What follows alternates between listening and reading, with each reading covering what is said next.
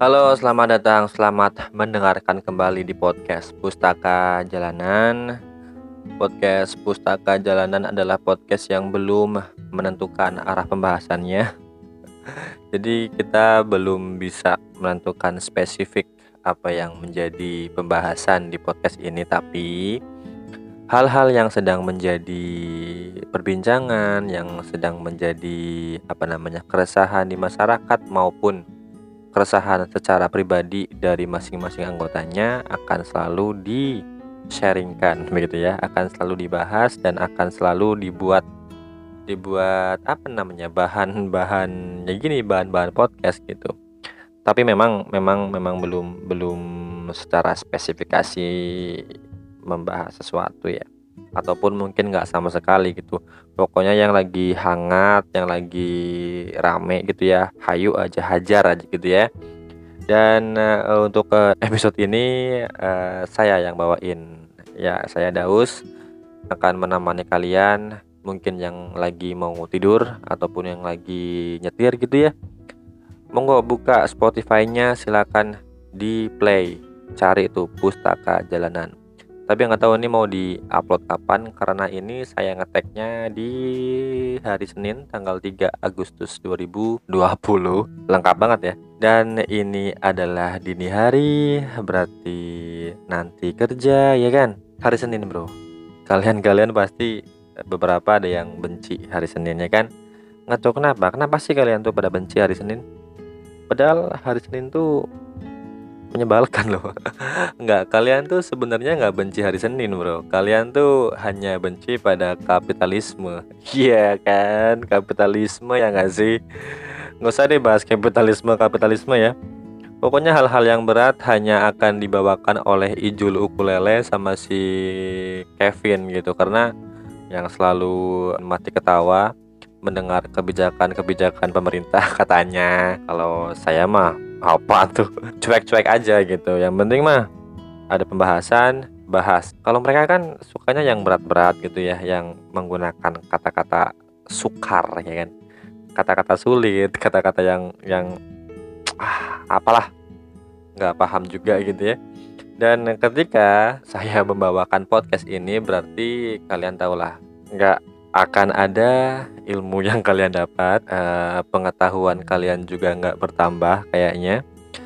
Dan ya udah, cuma bakal dilupain aja gitu. Tapi nggak apa-apa, ini kan cuma sharing. Saya pribadi akan menceritakan pengalaman, curhat-curhat yang receh-receh lah. Yang penting bisa nemenin kalian, bisa menghibur mungkin kalau kalian terhibur. Kalau nggak ya nggak apa-apa, bodo amat. yang penting ngoceh aja gitu ya ini baru jam 1 dan dan kerja absen itu jam setengah delapan. Nggak tahu nih mau mau tidur jam berapa. Tapi ada memang menghibur kalian saya siap. Ya oke saya mau tidur dulu.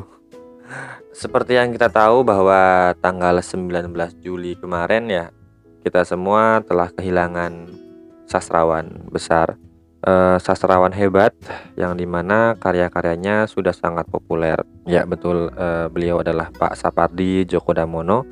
Beliau meninggal uh, dikarenakan penurunan fungsi organ. Itu kata dokter setelah sebelumnya beliau masuk rumah sakit. Dan kabar meninggalnya Pak Sapardi Djoko Damono tentu saja menjadi kabar yang sangat mengejutkan bagi kita semua, tapi terkhusus ya untuk para seniman-seniman sastrawan dan penyair-penyair ya karena Pak Sapardi kan aktif gitu menulis sajak, menulis puisi, menulis novel juga.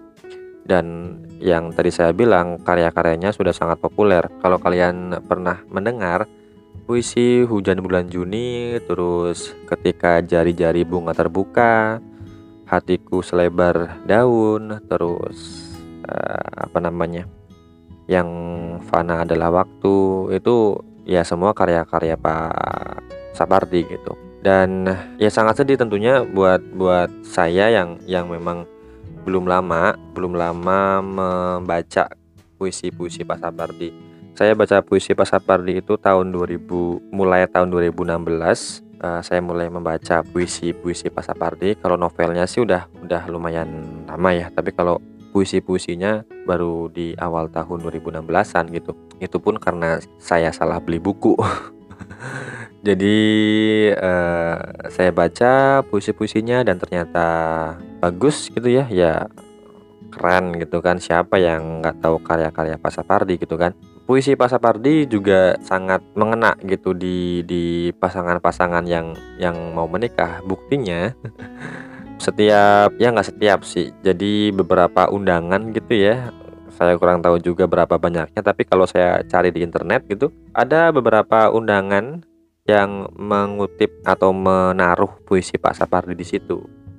Ya karena memang puisinya bagus, relate juga gitu ya dan romantis gitu. Jadi ya udahlah cantumin aja gitu kan di di di undangan dan karya Pak Sapardi Djoko Damono juga semakin populer setelah dialihwanakan menjadi musikalisasi puisi. E, banyak yang membawakan karya-karya Pak Sapardi terkhusus mantan-mantan mahasiswanya di di Universitas Indonesia dulu gitu seperti Agus Arya Dipayana, terus Umar Muslim, Tatiana Subianto, Reda Gaudiamo dan Ari Malibu. Untuk Reda Gaudiamo dan Mas Ari Malibu itu tergabung dalam duo ya.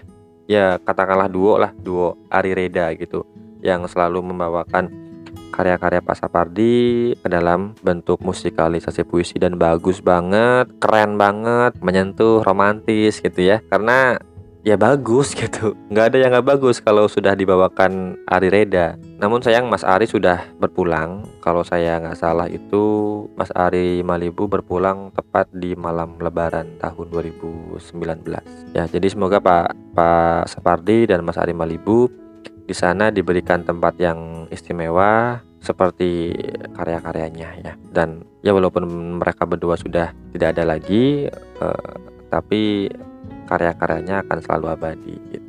dan karya Pak Sapardi yang yang kalian tahu banyak orang yang tahu juga itu adalah Hujan Bulan Juni. Itu ada ada bukunya. Bukunya itu ada yang kumpulan puisi dan novel.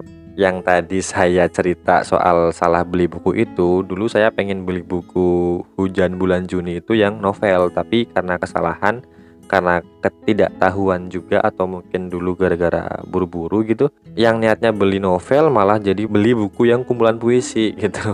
Makanya akhirnya beli dua kali dan ya alhamdulillahnya jadi punya dua gitu. Dulu itu saya beli buat kado.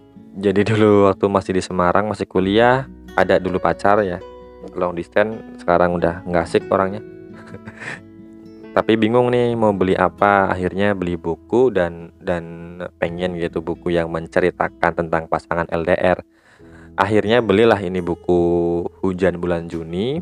Gara-gara keburu-buru atau nggak tahu gimana gitu ya malah belinya yang buku kumpulan puisi gitu. Akhirnya beli lagi dengan cara membobol celengan ya dapatlah akhirnya terus di packing kirim lewat kantor pos. Dan beberapa hari kemudian si dia nih mengabarkan e, bagus novelnya tapi gantung iya karena karena novelnya itu adalah bagian dari trilogi novel Hujan Bulan Juni gitu kan. Jadi kan ada tiga nih yang pertama Hujan Bulan Juni yang kedua Pingkan Melipat Jarak yang ketiga yang fana adalah waktu itu kalau udah dibaca semuanya ya ya ceritanya nggak nanggung lagi gitu dan bahkan dari novel ini juga sudah dibawa ke ranah layar lebar dengan judul yang sama diperankan oleh Adipati Dolken sama Velovexia kalau nggak salah. Itu tokonya adalah si Sarwono yang diperankan oleh Adipati Dolken dan Pinkan yang diperankan oleh Velovexia. Jadi kalau kalian penasaran pengen baca bukunya, monggo sok atuh kalau ke Gramedia lihat novel Hujan Bulan Juni beli aja langsung. Tapi kalau mau sekalian ngelarin atau menyelesaikan ceritanya ya beli tiga-tiganya langsung gitu. ya walaupun mengeluarkan duit yang nggak sedikit tapi kan ya buat mengisi waktu kalian yang mungkin sedang di rumah aja ini karena kampus juga belum buka ya kan dan kantor juga banyak yang WFH ya udahlah beli aja gitu buku yang satu lagi yang saya punya kumpulan puisi. Judulnya Hujan Bulan Juni sepilihan saja. Ini adalah uh, buku kumpulan puisi yang ditulis oleh Pak Sapardi dari tahun 1959 sampai dengan tahun 1994 terdiri dari 102 puisi gitu. Banyak banget ditulisnya rentang waktunya panjang juga kan jadinya ya ya banyak dan memang memang Pak Sapardi penulis yang produktif gitu dan di sini ada ada salah satu puisi yang amat sangat saya suka yaitu judulnya Ketika Jari-jari Bunga Terbuka itu di halaman 27. Puisi ini ditulis oleh Pak Sapardi di tahun 1968. Tambah suka lagi ketika saya mendengarkan uh, musikalisasi puisinya yang dibawakan secara apik, secara merdu, bagus banget oleh Ari Reda gitu. Gimana? bawain. Serius nih? Nggak nyesel ya? Nggak? Oke okay deh. Saya akan membawakan akan membawakan puisinya yang versi Ari Reda ya. Kayaknya juga banyak banget itu versi-versinya. Yang saya paling suka adalah versi dari Ari Reda kalau suara gitarnya kurang kedengeran ya mohon maaf. Saya pribadi meminta maaf tapi ya semoga jelas ya.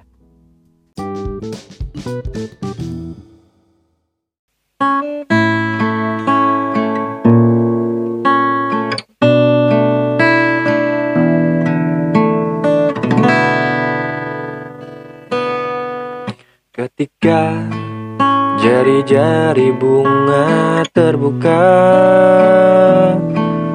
Mendadak terasa betapa sengit cinta kita. Cahaya bagai kabut-kabut cahaya langit menyisih awan hari ini.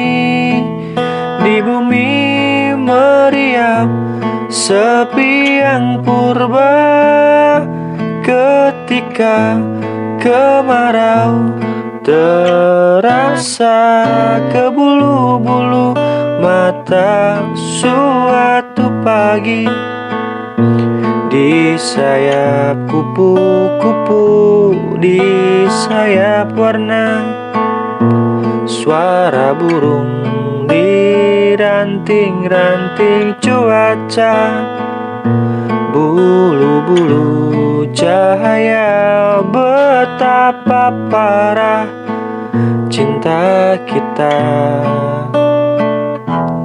Mabuk berjalan di bunga bunga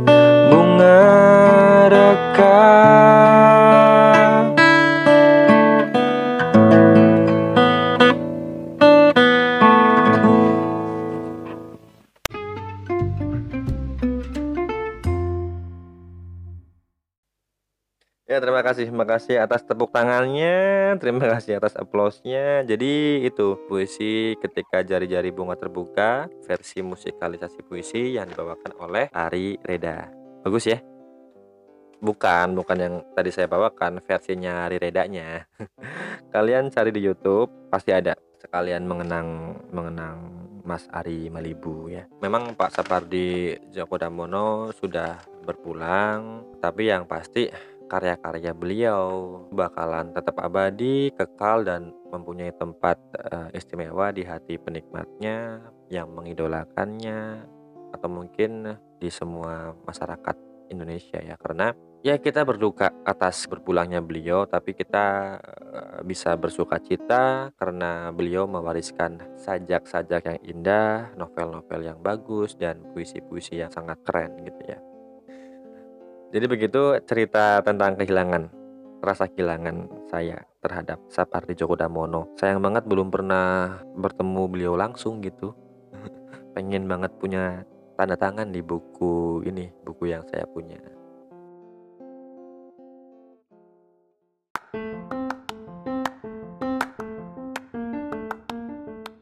Beberapa waktu lalu saya kemarin deng saya baru saja mendengarkan uh, sandiwara sastra di podcast budaya kita.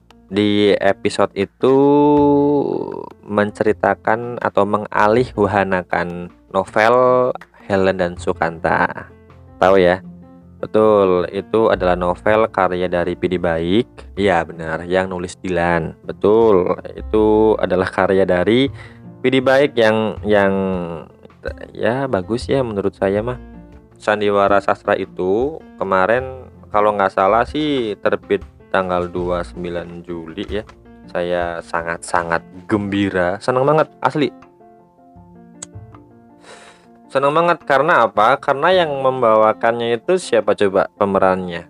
Wis, Vino Bastian, Bro. Sama eh bukan Vino Bastiannya sih, Masa Timotinya. Jadi kemarin itu saya habis mendengarkan Sandiwara Sastra di podcast budaya kita yang berjudul Helen Menunggu di Amsterdam. Ini adalah Sandiwara Sastra Alihwana dari novel Helen dan Sukanta. Jadi Helen Maria Eleonora itu diperankan oleh Marsha Timothy, Sukanta atau Ukan diperankan oleh Vino Bastian. Naratornya itu Nicholas Saputra, ilustrasi musiknya Yanu Aliendra. Terus penata suaranya Pramudia Adiwardana, perekam suaranya Ain Adinegara dan Indra Setno via Tantra. Manajer produksinya Praditya Novitri, manajer pasca produksi itu Amarta Kusuma. Produsernya Happy Salma dan Yulia Evina Bara. Terus Alihwana oleh Ada Imran. Terus sutradaranya adalah Gunawan Marianto keren sih asli keren. Jadi novel Helen dan Sukanta itu kan e, novel yang ditulis oleh Pidi Baik yang menceritakan tentang perempuan bule. Jadi e, Helen itu perempuan keturunan Belanda tapi dia lahirnya di di lahir dan besar di Ciwidey di Indonesia di Ciwidey di Bandung. Dan di Ciwidey adalah tempat bertemunya Helen dan Sukanta gitu pemuda asli Ciwidey di mana Sukanta adalah keponakan dari Darsa. Darsa itu pegawai bapaknya si Helen. Jadi bapaknya si Helen ini punya perkebunan lah menir Belanda yang punya perkebunan luas gitu. Pegawainya namanya si Darsa. Lah si Ukan ini atau Sukanta ini adalah keponakan dari Darsa. Bapaknya Sukanta sendiri sudah meninggal dihukum karena terlibat pemberontakan mereka berdua dipertemukan di di di rumah di rumahnya si Helen ya karena karena si Sukanta kan bekerja di situ ikut pamannya. Suatu ketika si Sukanta itu mendengar si Helen bermain biola uh, bagus banget permainannya gitu dan bertemu ngobrol akhirnya intinya uh, hubungan mereka berlanjut sampai diketahui oleh kedua orang tua si Helen. Sempat nggak setuju juga tapi akhirnya setuju sampai akhirnya menikah. Kalau kalian penasaran silahkan beli bukunya Helen dan Sukanta. Kalau di di podcast budaya kita kan itu kan alih wana dan dan itu uh, versi Helennya karena si Helen ini sedang menunggu di Amsterdam. Jadi di awal-awal novelnya itu biasalah pilih baik gitu kan ceritanya Bini Baik itu lagi main di Amsterdam, uh, lagi makan di restoran apa gitu namanya susah lah pokoknya yang menyediakan makanan-makanan khas Indonesia. Nah di sana beliau bertemu dengan oma-oma, di mana oma itu adalah Helen. Uh, mereka berdua ngobrol dan si oma Helen ini menceritakan tentang masa kecilnya yang yang lahir di Ciwidey, besar di Ciwidey, akrab semua dengan orang-orang Ciwidey gitu. Oma Helen ini kembali ke negaranya di Belanda hidup sendirian. Saya ada bukunya, tapi kalian nggak boleh pinjem. Ngapain? Pokoknya beli aja kalau kalau kalian lagi di Gramedia beli judulnya Helen dan Sukanta dan kalau nggak salah menurut cerita Pidi Baik di tahun 2012 Oma Helen sudah meninggal dunia. Jadi untuk episode kali ini uh, sharing ceritanya cuma segitu aja ya. Kalau mau nambah lagi ya nanti di episode berikutnya. Jangan bosen dengan suara saya yang belibet ini, mohon maaf. Dan kalau kalian pengen mendengar bahasan-bahasan yang yang yang lumayan berat, silakan pantengin aja di podcast Pustaka Jalanan. Kalau ada episode baru, kami akan segera memberitahu kalian lewat Instagram. Jadi kalau ada episode baru, kami akan posting gitu di Instagram, di story dan di feed. Monggo kalau sudah upload berarti ada episode baru dan kalian monggo mau mau mendengarkan di mana di Spotify oke okay. Ancor juga oke. Ya terserah lah di platform-platform kesayangan pemiliknya. kesayangan kalian lah. Oke, jadi cukup sekian aja karena nanti uh, kalau terlalu lama saya ngantuk dan makin belibet ngomongnya. Terima kasih sudah mendengarkan podcast Pustaka Jalanan. Uh, tetap sehat, jaga kesehatan dan selalu apa namanya? berpikiran positif. Semoga hidup kalian bahagia. Wassalamualaikum warahmatullahi wabarakatuh.